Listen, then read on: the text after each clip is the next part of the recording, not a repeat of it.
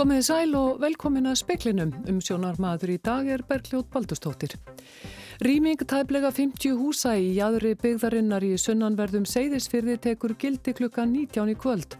Hættustykja almannavarna hefur verið líst yfir í bænum vegna skreiðuhættu. Skjólstæðingum frú Ragnheðar hjálpar úræðis Rauðakrossins fyrir spröytufíkla. Á höfuborgarsvæðinu hefur fjölgað um 50% á síðustu fjórum árum. 600 manns leituðu til frú Ragnæðar í fyrra. Dómstótt í Hollandi ógildi í dag útgöngubann stjórnvalda sem hefur sætt eindreginni andstöðu landsmanna. Þau ætla að áfrýja dómunum. Kostnar við uppbyggingu hjúgrunar, heimila, hljóma eins, hljómar eins og gjaldróta stefna segir Pálmi Vaff Jónsson yfirlæknir á öldrunadeilt landsbítalans. Hann leggur til ímsar breytingar á heilbriðstjónustu við eldra fólk. Rætt verður við Pálma síðar í speklinum. Íbúar í tæplega 50 húsum á Seyðisfyrði mega ekki gista heima í nótt vegna skriðuhættu. Rýming tekur gildi klukka 19 í kvöld og á við jáðar byggðarinnar sunnan megin í bænum. Yfir laurglu þjótt segir að rýmingin gildi að minnstakosti fram yfir hátegi á morgun. Margir íbúana hafa reyndar ekki gist heima að undanförnu. Hættust í almannavarna hefur aftur verið lísti yfir á Seyðisfyrði. Það var lækkað í óvissustu í gær. Um helgina var hættustig vegna snjóflóðahættu. Nú er skriðuhætta og spáð ákafri úrkomi í kvöld og í nótt á seðisfyrði. Kristján Ólafur Guðnason yfir lörglu þjóttna Östurlandi sagði í fréttum klukkan 16 að rýmingi nái til um 100 íbúa í 46 húsum. Rýmingin sé á því svæði sem var rýmt áður í desember. Rýmingar verða endur skoðar á morgun en búist er við hægt kólandi veðri þá og á fymtudag verður aftur komið frost til fjalla. Kristján Ólafur vonast til að fólk þurfi ekki að vera í burtu frá heimilum sínum nema í nótt. Staðan verður tekin aftur á viðstofunni eftir hátegið á morgun. Aðalheiður Borgþórsdóttir fyrfirandi bæjastjóru og seðisfyrði er einn þeirra sem ekki má vera heima í nótt. Við búist náttúrulega við því að það sé rýmt oftar heldur en áður og teljum það auðvitað bara better safe than sorry, skulum við segja. Hefur þið heyrt í þínum nákvæmum? Nei, það vorum ekki margi komið inn á svæði sem við erum á, þannig að ég held að við vorum það einu fyrir utan jú og það voru íbúar í Hafnagötu 14 líka, en aðri hafði ekki vilja að fara inn á svæði. Þannig að fólk er ennþá doldi óttaslega sko og er ekki alveg til í að fara fyrir náður alveg örugt hvernig sem hægt verður að tryggja það En við teljum okkur vera nokkuð örukarna í múla þar sem það er búið að byggja upp stóra varnagarða og risastóra þróttró eða bara heilan dal, myndi ég segja. Og þetta var aðalheitur Borgþórsdóttir Kristján Sigurjónsson talaði við hana. Þórólfur Guðnarsson, sótvarnalæknir, sendi minnisblad til heilbreyðisráðherra á næstu dögum um frekari afléttingar innanlands í framhaldi afbóðum hertum aðgjörðum á landamærunum sem kynntar voru í dag. Svandi Svavastóttir heilbreyðisráðherra segir Ísland vera að opnast að land í Evrópu núna, hér séu minnstar hömlur á atvinnulífi og daglegu lífi í álfunni. Þegar að þessum aðgjörðum vindur fram sem að voru kynntar í dag varðandi aðgjörður á landamærum þá munum við uh, kynna frekari afléttingar hér innanlands.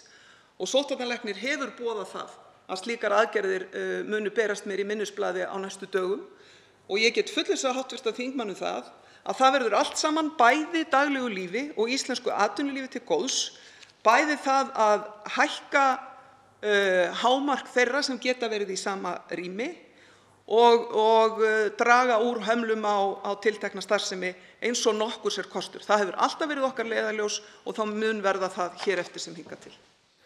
Sagði Svandís Svavastóttir á Alþingi dag í umræðum um horfurnar faramundan í COVID-19 í svari við fyrirspurn Karl Skauta Hjaldasonar Þingmanns miðflokksins.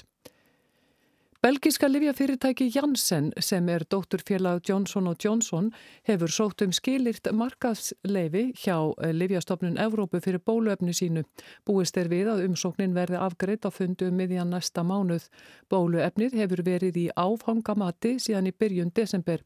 Þetta er það bóluefni sem Íslensk stjórnvöld hafa keft mest af fyrir 235.000 einstaklinga og rekna er með að aðfending þess geti hafist á öðrum ársfjórðungi. Um 600 manns leituð til frú Ragnæðar í fyrra úræðis og hjálparbíls Rauðakrossins fyrir sprautufíkla og eða heimilislausa á höfuborgarsvæðinu. Skjólstæðingum frú Ragnæðar hefur fjölgað ár frá ári og er nú 50% fleiri en árið 2017. Um 120 manna hópur sjálfbúðaliða heldur utanum starf frú Ragnæðar. Í þeim hópi má finna hjúgrunafræðinga, hárgreislu fólk, leigubílstjóra, lækna, livjafræðinga, sálfræðinga og ómentað fólk, fólk sem sumt hefur áður verið í spórum núverandi skjólstæðinga. Af þessum 600 er tæplega helmingur heimilislaus. Sjálfbóðaliðar sáu 82 ný andlit í hópnum í fyrra. Elisabeth Brynjarsdóttir, verkefnistjóri frúrakneðar, segir að á erfiðu COVID-ári í fyrra hafi ekki fallið niður einn einasta vakt en óneitanlega hafi þjónustan skerst vegna faraldusins. Við erum að leggja áherslu á mannúðina og virðinguna að bak við tölfræðina er vissulega fólk sem er í ákveðinni neyð og við erum að reyna að koma til mótsi þeirra þarfir sem er ekki mætt annar staðar í samfélaginu og eins og ég hef áður sagt að þá var árið 2020 árið sem að þau urður svolítið eftir og aðgengi sem var áður skert varð ennþá skertara fyrir þannan hóp. Ég vona árið 2021 verði árið þeirra sem að glemdust í fyrra. Og þetta var Elisabeth Brynjarsdóttir, Kristján Sigur Jónsson tók saman, nánar verður fjallaðum frú Ragnæði síðar í speklinum. Heilbriðisráð þeirra hefur staðfæst reglugerðum stopnun og rekstur neysluríma ákvæði fylgir til bráðabyrða sem gerir verkefninu frú Ragnæði sem Rauðukrossin í Reykjavík rekur kleift að nýta annan af tveimur bílum verkefnisins tímabundi sem neyslurími þar til varanlegt rími hefur verið opnað. Rekstur neysluríma var heimilaður með lögum og leinu ári og skuluðu rekin með skafa mingun að leiðarljósi. Þar á fólk sem er 18 ára eða eldra geta sprautað á vanna og fíkni efnum í æð undir eftirliti starfsfólks og gætt verði að hreinlæti, öryggi og síkingavörnum. Sveitafélaglandsins sjáum rekstur neysluríma. Dómstóli Hollandi skipaði stjórnvöldum í dag að aflétta þegar í stað útgöngubanni sem komið var á til að stöðva útbreyslu COVID-19 farsóttarinnar. Dóminum verður áfríjað. Landsmenn eru áfram kvartir til að halda sig heima um kvöld og nætur. Hollensk samtök vírusvarhætt eða sannleikurinn um veiruna kærðu útgöngubannið sem var sett á 23. janúar og var framlengt í síðustu viku til annars mars að minnstakosti. Samkvæmt því var landsmannum bannað að vera utan dýra millir nýju á kvöldin og hálf fimm á nóttu. Dómari komst að þeirri niðurstöða að útgöngubannið brjóti gegn rétti landsmanna til enga lífs og ferðafrelsis. Til svo róttækra rástafana í ekki að grípa nema í niðartilvikum eins og til dæmis þegar flóðgarðar gefa sig. Stjórnvöld ætlaði að áfrýja dóminum. Þá kvatti Mark Rúti fórsætti sér á þeirra landsmenn til að halda sig heima á kvöldin og nóttunni. Útgöngubannið hefði skílað áþreifanlegum árangri. Veirusmittum hefði fækkað um tíu af hundraði frá því að banninu var komið á. Förd Grappirhás, dómsmálar á þeirra gerir ráð fyrir að laga frumvarp um útgöngubann verði lagt fram eins fljótt og auðið er. Útgöngubanni hafði ekki verið líst yfir í Hollandi síðan í síðari heimstýröldinni. Það mætti harðuri andstöðum meðal landsmanna og leti til verst og óerða í landinu í ára tugi. Ásgeir Tómásson sagði frá. Viljálmur Árnásson, þingmaður sjálfstæðarsflokks í söður kjördæmi, spurði heilbyrðisráð herra í óundurbúnu fyrirspurtum á allting í dag hvort til greina kæmi að sjálfstætt starfandi helsukjæslustöð fengi að starfa á söðurnössjum til að stitta byð eftir þjónustu líkt og gert hefur verið á höfuborgarsvæðinu með góðum árangri. Ráðherran telur að það þurfa að stíga mjög varlega til jarðar í þessum málum en full ástæða sé til að ræða þessar hugmyndir. Ný heilsugjæslu stöð er á tekniborðinu og verður líklega tilbúin árið 2023. Hins vegar er það um, þannig að fjárfestingar átaki sem að stendur yfir núna gerir aðfyrir því að við byggjum aðra heilsugjæslustöð á uh, starfsvæði heilbyrjastofnun Suðunisja. Uh, sú stofnun þarf á stuðningi að halda, hún þarf á stuðningi að halda að því er varðar húsakost, mönnun, fjármögnun og svo framvegist og meðan við erum í því verkefni, það er að segja að efla og styrkja heilbyrjastofnun Suðunisja með ráðmót á, á eins fjölbreyttan hátt og nokkur sér kostur, þá tel ég að það sé mikilvægasta verkefni okkar. Og þetta var Svandi Svavastóttir.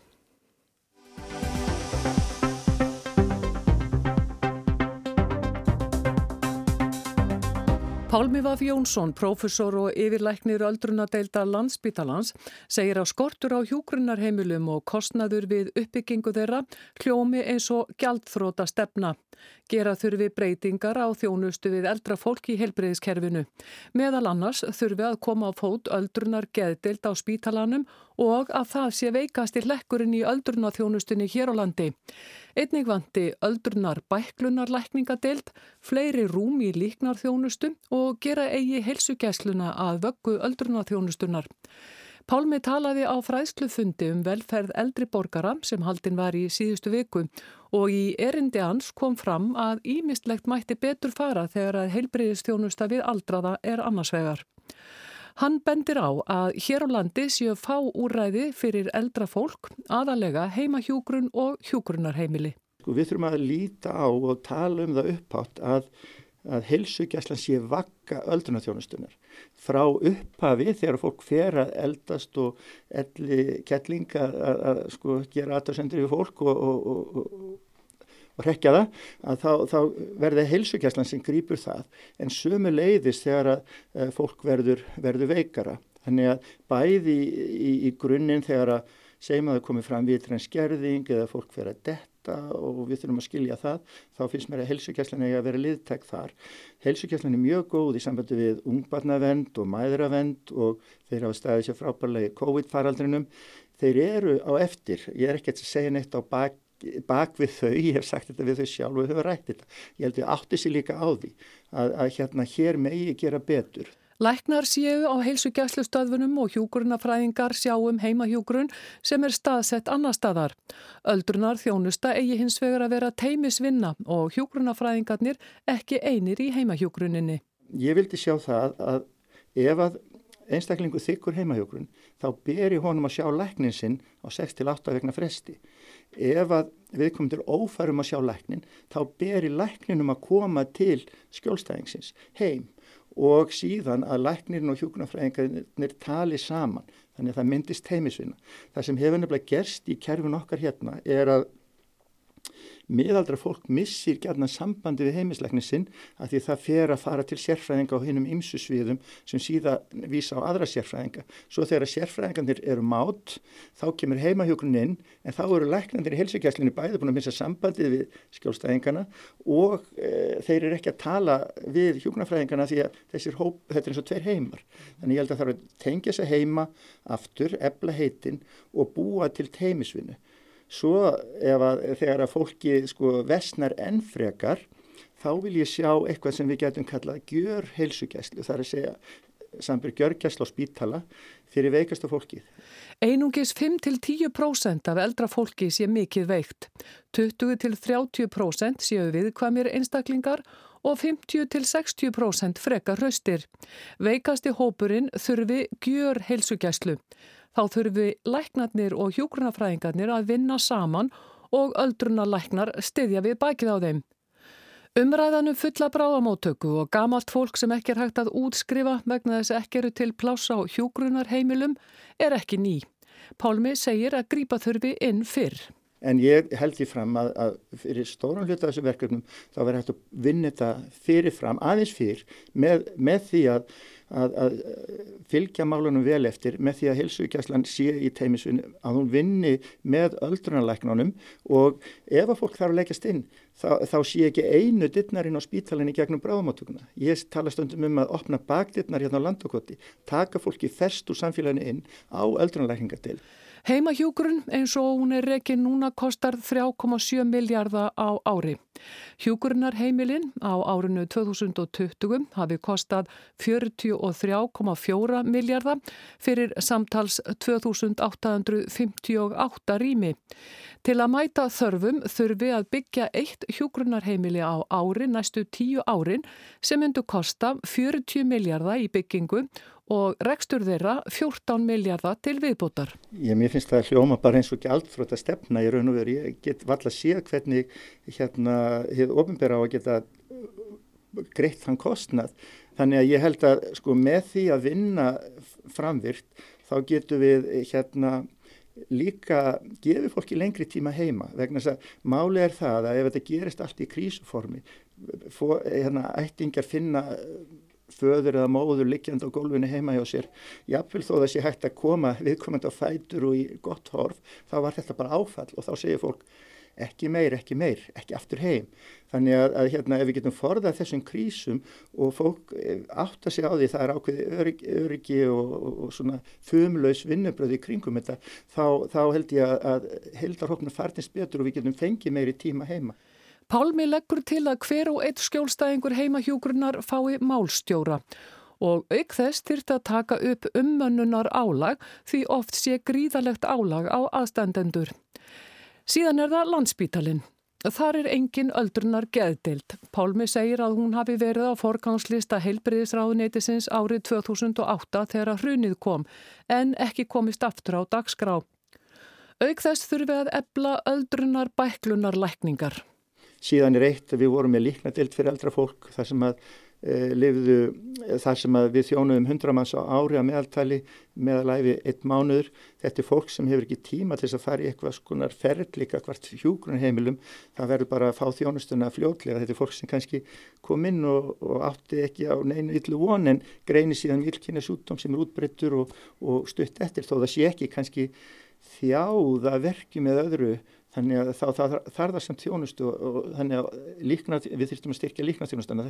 Þetta er svona þrjú dæmi um þar sem að spítalinn geti gert og að þessu þá myndi ég segja að veikasti lekkurinn í öldrunarþjónustunum núna eru öldrunar gæðleikningarnar. Okkur vantar þær sárulega. Og hef, við höfum séð svona reikina, reikina réttunum því við höfðum einu sinni tvo öldrunar gæðleikningar sem unni með okkur sem flúður land í kreppunni 2008 eh, Og, og hérna þá sér maður það að, að sko, fólki getur líðið óskaplega illa og það er bara svartnætti en ef það fær réttan stuðning og rétta meðferð á þessu sviði, andlega sviðinu, þá getur það náð sér og blómstra á ný. Sko. Þannig að það er synd að, að, að þetta sé veikast til lekkurinn. Pálmi leggur sem sagt til að heilsugæslan verði vakka öldrunar þjónustunar. Læknar komi inn í heimahjúgrunina, málstjóra verði komið á fóti í heimahjúgrun, ummönnunar álag verði tekið upp og gjör heilsugæsla. Á landsbítalanum þurfi að stopna öldrunar geðdeild, fjölga rýmum í líknar þjónustu og bæta öldrunar bæklunar lækningar. Ef eitthvað af þessu eða allar tillögurnar yrðaði veruleika á Pálmi þá von á að full bráðamóttaka og gamalt fólk sem ekki er hægt að útskrifa verði liðin tíð. Sko það myndi bæta það. Ég ætla nú ekki að mér að vera svo björnsýtt að svona liti gerist eitt fyrir þrýr og allt í einu. Þannig ég hugsa að þetta verði eitthvað sem við glýmum daldi við. Ég held að við munum sjá þetta áfram og, og að ykkur leiti en ég held að, að þetta verði léttar, léttbærara fyrir fleiri og, og, og meira skikk á hlutunum það þarf að gera margt og ég tók þessa samlíkingu af því að, að hérna öldrunarþjónustan þarf að vera eins og symfóníuljónsitt. Við höfum öll þessi mismundi hljóðfæri, þau þurfum að spila eftir sömu nótonum og það þarf einhver svona að stýra heldinni þannig að við þurfum að stilla þetta allt saman af þannig að það sé ekki off frambóða einu vandi annar. Þetta er hægara sagt en gert en ef við gerum ekkert þá þurfum við bara að byggja endalust eitt heimil á ári. Og þetta var Pálmi Vafi Jónsson.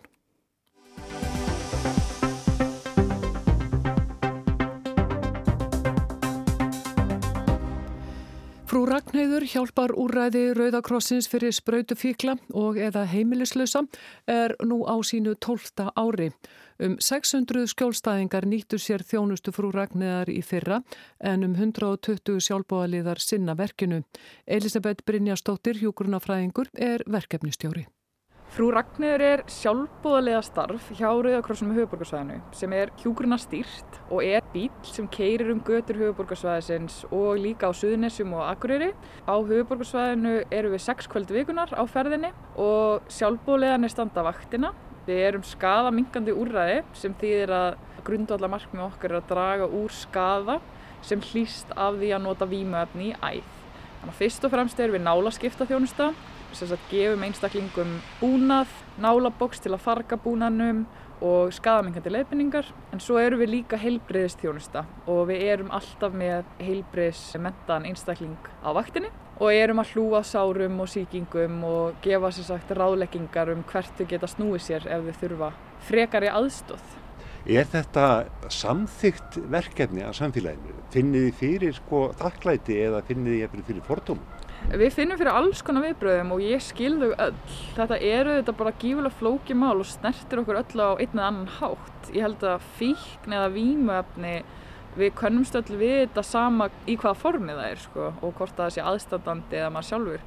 Þannig að auðvitað fáum við öll viðbröð frá samfélaginu og nágrönnum og, og bara íbúðum í þessu samfélagi. En sko þetta verkefni er orðið 12 ára núna árið 2021 og við erum að taka allt öðru í þessi samtöl núna við einstaklinga heldur en fyrir bara þremur árum síðan og það er að verða aukinn skilningur. Við erum að leggja áherslu á mannúðina og virðinguna að, bak við tölfræðina er vissulega fólk sem er í ákveðinni neyð og við erum að reyna að koma til mótsi þeirra þarfir sem er ekki mætt annar staðar í samfélaginu Þannig að út frá þessum grundallar markmiðum líka Rauðakrossins bara mannúð og virðing fyrir manneskjunni þá virðist samtali vera orðið aðeins öðruvísi. Mér finnst það oft einkennast af mér í virðingu þó að við séum að eiga samtöl sem einkennast kannski að fórdómum líka. Við erum samt svona svolítið að færast nær því að við erum að tala um fólk. Er þetta, svo ég orðið að bara þannig, er þetta mjög töff líf? Vissulega fær maður að heyra og notendunur deila með okkur sögum sem eru mjög þungar. En það sem einkennir hópin í heilsina er gífurlega sigla.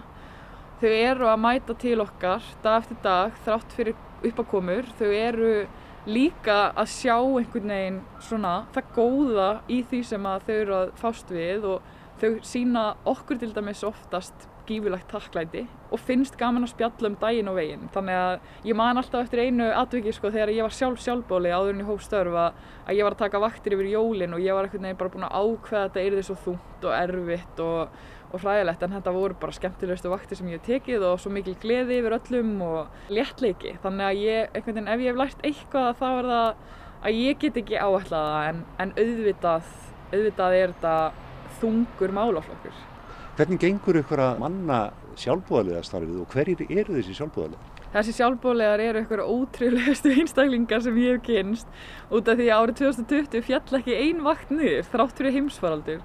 Það sem einkennir þessa 120 einstaklingar rúmlega sem eru að störfum hjá okkur á hverjum tíma er bara gífurlega lausna miður hugsun. Við erum einhvern veginn öll í þessu saman, sjálfbúðarleganir standa vaktin á hverju kvöldi, þau vilja láta þetta rúla og þá bara rúlar þetta og þetta er að nálgast einhvern veginn svona stað þar sem er í raun bara að verða sjálfbær mönnun vakta í frú Ragni og það er ótrúlega fallegt að fylgjast með því bara sem verkefnastjóri að sko sjálfbóðlegan er haldið svo floti. Og þetta eru hjúkunarfræðingar, þetta eru læknar, þetta eru líka leigubílstjórar, hárgreifslumeistarar, livjafræðingar, sálfræðingar eða ómentaðir einstaklingar. En öll eiga það samilegt að klára námskeið hjá okkur og fá sagt, sérfræði þekkingu á skafingun og og okkar nálgun í frú Ragnhegi en þau láti þetta ganga annars væri ég ekki að sinna mínu starfi og þau letu þetta svo sannlega ganga í gegnum árið 2020 þrátt fyrir sko að við þurftum kannski að breyta öllum verklíðunum okkar á einum sólaringi auðvitað gengur það svona vel út af því að notendur þjónustunar treyst okkur og sjálfbóliðanir eru tilbúin í slægin. Sagði Elisabeth Brynjastóttir í samtali við Kristján Sigur Jónsson.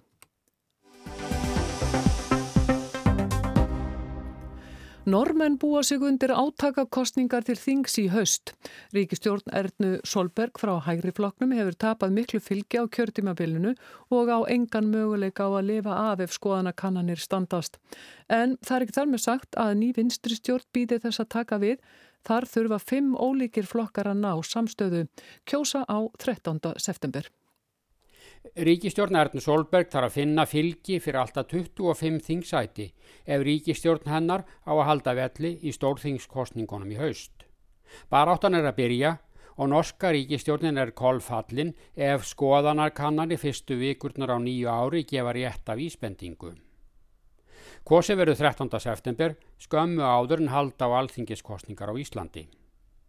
Vandi Ernu Solberg fórsættisráþra og formans hægri flokksins er ekki að flokkur hennar tapi fylgi. Hún á von á örlítilli fylgilsökningu og að halda stöðu flokksins sem stærsta flokks landsins. En ríkistjórnin byggir á flokknu samstarfi við tvo smáflokka innan stjórnar og svo eitt stuðningsflokk utan stjórnar. Allir þessir flokkar eigi vanda og fylgið hrinur af þeim. Þetta er gömul og ný saga Stóri flokkurinn í ríkistjórnarsamstarfinu ímist getur upp litlu flokkana eða hegur fylgi þeirra á brott. og stjórnin fellur. Littlu stjórnarflokkarnir, það eru hinn frjálslindi flokkur Venstre og kristilegi þjóðarflokkurinn eiga á hættu að þurkast út og eru langt frá að ná lágmarkinu upp á 4% atkvæða. Og framfara flokkurinn sem er tvístígandi stuðnísflokkur ríkistjórnar Ernu Solberg missir og mikið fylgi og er nú spáð 13 þingsætum í stað 27 núna. Flokkurinn hefur ímið stutt aðgerði ríkistjórnarinnar í heimsfaraldrinum vegna COVID-19 eða lagst gegn þeim en kjósendur eru ekki hrifnir.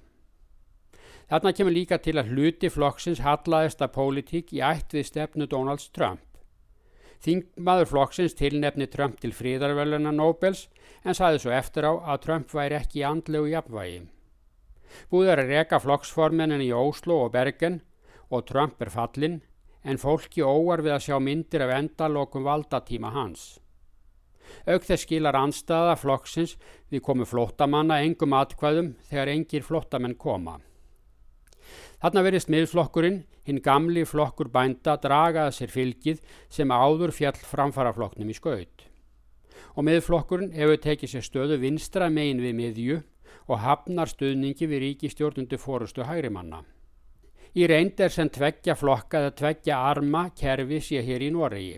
Annars vegar borgaraflokkar og hins vegar sósialískir flokkar.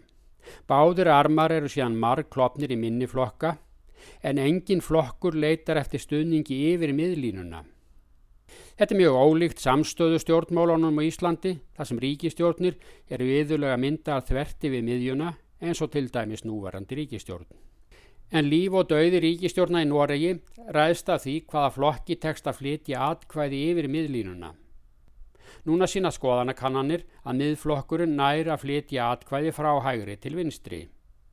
Minnamáli skiptir hvort flokkar til hægri eða vinstri skiptast á atkvæðum sín á milli. En núna hefur Tryggvislagsvold veðum, formaður miðflokksins, náða höfða til kjósanda sem áður kusu borgarflokkana en gætu nú kosið til vinstri. Þannig missa borgarflokkarnir fylgi yfir miðlínuna. Miðflokksmenn andmæla stöðugt vaksandi samþjöppun valds í landinu, stefnu ríkistjórnarinnar um að fækka sveitarfélugum, stækka stjórnsýslu einingar, sameina og fækka stopnunum í heilsugjæslu, mentun, laugjæslu og dómsmálum. Þetta spara ríkinu pening en er óvinnsælt sérstaklega úti á landsbygðinni. Miðflokksmenn lofa endurreisa gömul sveitafélug og gömul fylki og fylgi flokksins mælist nú oft yfir 20% en var 10% í síðustu kostningum. Miðflokkurinn nær að flytja fylgi við miðlínuna, engum frá faranfaraflokknum en einni frá kristilega þjóðarflokknum og þar með ríkistjórnin í hættu. Anna mál er svo að meðal vinstirflokkana eru verulega hræringar. Verkamannaflokkurinn sem um ára tugi bar höfuð og herðar yfir aðra flokka til vinstri tapar stöðugt fylgi. Kratar er nú að verða 20% flokkur í stað þess að hafa haft hreinan meirluta á árónum eftir stríð. Miðflokkurinn tekur þar atkvæði en ekki síður nýjir flokkar ungs fólks í þjettbíli. Það eru rauðiflokkurinn sem á sér rætur í gamla máistaflokknum, Max Leninistunum, fyrir 50 árum en hefur gengið í efndun nýjun lífdaga. Rauðliðar hafa nú einn mann á þingi en er spáð sjömönnum og svo eru græningjar sem eru áhrifamiklir í borgarstjórnin í Óslo hafa einn þingmann. Þeim er nú spáð átta þingmannum. Þannig gætu nú sest á þingi í haust 15 þingmenn fyrir róttaka ungliðaflokka sem ekki eiga upphafsitt í gömlu flokkonum. Síðan verður miðflokkurinn að semja við róttæklingana ef mynda á vinstri stjórn í haust. Miðflokksmenn segja að allir landsmenn eigi rétt á að borða raukt kjött og aga díselbílum. Hinnir ungu og róttæku eru grannmetisætur og hjóla. Gísli Kristjánsson sæði frá. Veðurhorfur, hæg norðaustlægi eða breytilega átt og rikning með köplum um austanvert landið en skíjað og þurft vestan til bætir í úrkomi fyrir austan í kvöld og hiti 0-6 stig. Breytilega átt 3-10 á morgun og rikning eða snjókomi með köplum en stittur upp norðaustanlands annarkvöld og hiti um eða yfir frostmarki. Fleiri er ekki í speklinum í kvöld. Ragnar Gunnarsson sendi út. Verði sæl.